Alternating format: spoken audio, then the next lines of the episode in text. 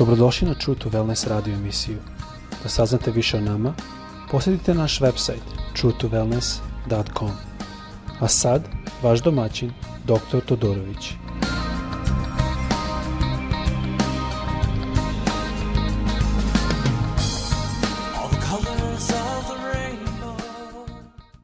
Ljubazni, dobrodošli na naš podcast. Želim se opet izvinuti malo mi je srpski teži jer sam ovde odrastao u, u inostranstvu. A sada radimo drugi deo na naše razmetranje koje se nalazi u Evanđelje, Evanđelje po Ivanu ili Jovanu, osma glava. A to smo gledali i pročitat opet reč Božu gde tu piše a Isus ode na Maslansku goru, rano ujutru dođe opet u hram i sam narod pohrli k njemu on sjede i poče ih učiti, tada pismoznanci i fariseji dovedoše ženu zatečenu preljubi. Postaviše je na sredinu i rekoše mu učitelju, ovo je žena sada zatečena u preljubi. Moj sin nam je zapovedio u zakonu da takve kamenima. A šta ti veliš? Tim pitanjem tedoše da ga iskuše da bi ga mogli optužiti. Isus se sagnu i stade pisati potom po zemlji. Kada su ga neprestano ispitivali, on se uspravi i reče im, ko je među vama bez greha, neka baci pr, na nju, prvi baci na nju kamen. E sada ovde vidimo i malo smo spomenuli prošli put šta se ovde dešavalo. Prvo vidimo karakter Hristov.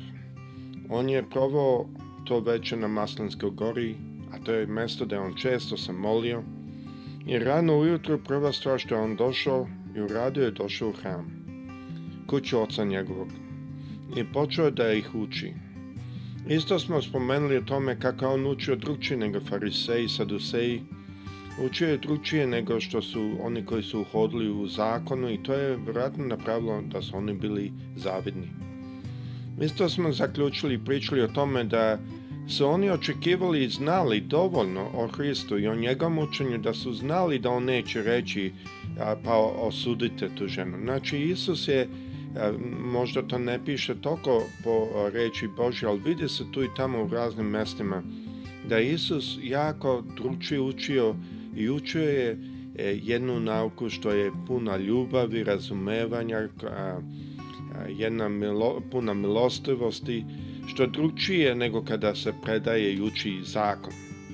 I e tako da vidimo da su isto fariseji koristili zakon da uhvate Isusa. I radit ću uskoro jednu, a, jedan podcast da malo govorimo o tome kako đavo mnogo puta koristi pola istinu ili delove zakona da bi nas napravio i prevario. U stvari, a to je i dalje laž od đavola. Ovde su fariseji došli sa zakonom i zakon je dobar, ali su oni došli da bi uradili lošu stvar sa zakonom. Ajde sada da nastavimo da smo stali, da smo rekli kada su ga neprestano ispitivali, on se uspravi reći im, ko je među vama bez greha, neka prvi baci na nju kamen. Ovde vidimo nešto zanimljivo – Prvo, Isus nije hteo da je osudi, nego im je rekao ko je bez greha neka baci kamen. Ko je bez greha neka da osudu. I niko se nije osuđivao zato što niko se nije našao da je bez greha. E sada, zakon nas uči da ako pogrešimo u jednoj stvari, da smo krivi celom zakonu. Ako čitate u Rimljanima, to ćete e, vrlo često videti taj koncept. I to nam pokazuje da Ovi svi ljudi su imali u sebi razne stvari. Zavist, imali su ponos, nemilostivost, te stvari, a oni su napadli i zakon često puta napada na stvari što se vide. Dobili su ovu ženu što je učinila preljubu. Sad ne kažem da je to dobro, ali oni sami hodaju više greha, uključujući mržnju ka Hristu i sve drugo. I to je ujedno razlog što vidimo mnogo puta reći Božoj da su mnogi ljudi dolazili najviše ti siromašni, a, grešnici, a, oni koji su takse skupljali, što su ljudi njih prezirali, i oni koji su se bavili ovakvim stvarima, koji su u jedan grešan život. Takvi su pratili Hrista. Zašto? Zato što njegove reči su njima prijele. Ljudi su već znali njihova dela, dok mnogi fariseji, mnogi saduseji, ljudi ne znaju ta dela. I to je princip zakona. Zato moramo paziti da se ne nađemo u toj situaciji da osuđujemo dela koja se vide, a u nama i iza nas prate dela koja su možda lošije nego ta. To je jedna stvar. Druga stvar što vidimo ovde je da je zakon mnogo puta bio u staro doba napravljen da se osudi osoba. Ali u staro doba je bilo isto u zakonu da on niko od oni koji svedoče protiv osobe ne smeju da to rade u jednom pogrešnom motivu ili u jednoj decepciji. A ovde vidite da ovi što su doveli nju, oni to rade u jednoj decepciji, jednom motivu što je pogrešno. A to u zakonu istom tom Mojsebu zakonu koji oni su, ovde donali kao primer što Mojse kaže. Mojse u zakonu rekao da takvi treba da budu ubijeni, da budu kamenovani. Zato što su došli sa jednom decepcijom. A oni su došli sa decepcijom da bi nju, to je Hrista uhvatili na pitanju njenog kamenovanja. Sada šta nas ovo uči? Isus je rekao, pre nego što izvadiš trn iz oka brata svog, pazi da si izvadio brvno iz svog oka. Zašto brvno? Zašto nije bio trn u mom oku? Vidite jedan princip ovde, ima druge, druge primere u Evanđelju da je slično oprilike rekao, a to je da pre nego što mi vadimo u nekome greh, mi moramo paziti da mi nemamo veći greh. Zašto on to rekao? Zašto je on mnogo puta išao protiv fariseja i saduseja, iako oni su hodili u jednom svetom na, načinu? Ja sam video tamo dok sam bio kako oni hodaju i to. Čak mi je bilo zanimljivo. Mnogo puta, pogotovo oni što su ortodoksni, ako a, slučajno vas taknu, oni moraju ići kući da se kupaju opet. A to meni bilo zanimljivo, pa sam mislio, pa daj da vidim da mu stanem na put malo a da vidite, neće, nećete ga taknuti. A, vrlo, vrlo brzo su a, hodili. Oni su u, u takvom zakonu hodili. A Isus je došao to doba kad su ljudi tako, gde su mnogi ljudi kada čine nešto dobro imaju trubu ispred sebe pa najavljaju kako pomažu siromašne ili, ili pomažu hram.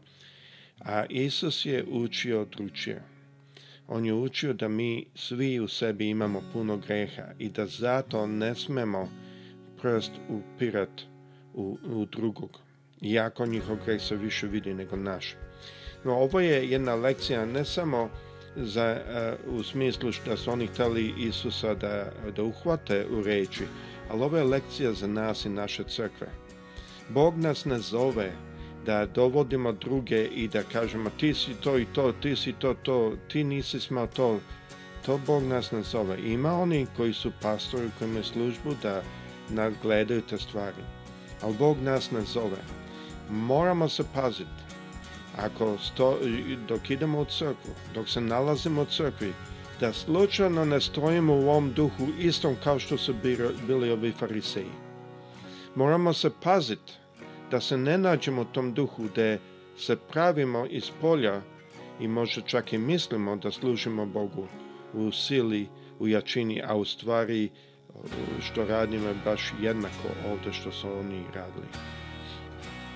Na prošli put smo isto malo spomenuli da su prvo stariji otišli. Neki put revnost koja se nađe u mlađima nije zdrava. Mi znamo to u slučaju apostola Paula koji je bio Saul u to doba i mnogo puta stariji malo osete više. Da, pa nismo mi sveti, nismo mi mnogo puta ja znam dok, dok sam bio mlad, moji, mnogi moji prijatelji su bili prije naklonjeni da osude. Ima tu znači neka mudrost koju moramo znati. Ali želim da u, u, uspomenem i ukažem jednu drugu stvar. ovde kaže ovako. Drugi deo šestog stiha kaže ovako Isus se sagnu i stade pisati prstom po zemlji. Malo smo spomenuli tu šta je, um, mi ne znamo šta on pisao, ali može lako da su bili razni gresi koji su tu, ti ljudi učinili, može čak i specifično za, za specifične ljude što su to stvorili. Mi ne znamo, on je znao, on zna šta je u čoveku. A kaže sedmi stih, Kako su ga nepresno ispitivali, on se uspravi i reče, ko je među vama bez greha, neka prvi baci na nju kamen. I opet se sagnu i nastavi pisati po zemlji. E sada, ovdje vidimo da je Isus pisao po zemlji prvi put i onda je pisao drugi put. E sada, mnogo puta u Bibliji mi imamo što se zove foreshadowing, to je da je nešto nameno ostavljeno da pokaže nešto na dubljem stepenu. Mi znamo ako e, čitamo u drugom Mojseve, 31. glava, 18. stih i posle opet 34. glava, 1. stih, vidjet ćemo da je Bog dva put pisao deset zapovesti. I ovde vidimo da Isus dva put se odole i pisao. E sada, ja ne znam tačno šta je razlog za ovo, ali mi ovo pokazuje i ukazuje ka tome da je Isus isto Bog. To, naime, mi to znam iz puno drugih mesta, ali ovde vidimo kao što je Otac ili Gospod Bog dva put pisao e, Mojsiju deset zapovesti, tako je i ovde Isus dva put pisao po, po zemlji. Tako da je to ipak zanimljivo, to mi je prilično zanimljiva situacija samo zato što ipak je e, to ukazuje da je to isti entitet koji je bio u vreme Mojseva. Evo sada piše kad su čuli odgovor stadoše se povlačiti jedan za drugim počevši od starih. Ostade Isus sam sa ženom koja je stala na sredini. Znači ova žena je još uvijek stojala tu sredini, ali nevjerojatno očekivalo će biti ubijena Um, ja samo mogu zamisliti kako je se ono osjetila. Ja samo mogu zamisliti koliko je tu suza bilo. I Isus se uspravi i, e, i upita, ženo, gde su oni dakle? Nitko te ne osudi. On odgovori, nitko gospodine. Tada reče Isus, ni ja te neću osuditi, idi, ja sad više ne greši. Sad ja mogu zamisliti tu sliku kako je to bilo, da je tu bila situacija da ona plakala, da ona bila suzama, da je bila u strahu. I mnogo puta sam zapazio kad smo mi u takvoj situaciji, Isus je nama najbliži. Onda svi drugi glasovi nestanu. Tako i ovde isto, svi glasovi otužbe i osude su nestali. Jedino je ostao Isusov glas. Zašto? Najvjerojatnije da ona plakala, najvjerojatnije da je njoj sada bilo žao što je uhvaćena, najvjerojatnije da je njoj bilo krivo, a to je isto bila i sramota. Ali vidite što je Isus rekao, nije te nasuđujem. I to je jedna stvar o srcu Hristom što mi moramo shvatiti.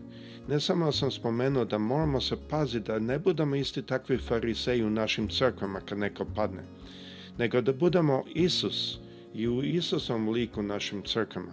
Jer što je Isus uradio? On je nju podigao. On je rekao, idi, ne greši više. On je nije osuđivao i on je sklonio sve one koji su osuđivali i sada po, i po zakonu više nema tu svedoka da se on osudi. On je nju izvukao, kao što je on i nas sve izvukao. Mislim da je jako bitno e, kad smo u našim crkvama, kad se nalazimo u našim mestima, da se ponašamo ne kao fariseji, koji hoćemo igramo igre i da uhvatimo ljude u reči ili da osudimo ljude, nego da se ponašamo kao Hrist, koji kad je vidio suze, kad je vidio sve, on je na svoj način oslobodio tu ženu i rekao idi i ne greši više. Mislim da je jako bitno da mi budemo isto takvi hrišćani. Gospod sa svima vama. Prijetno.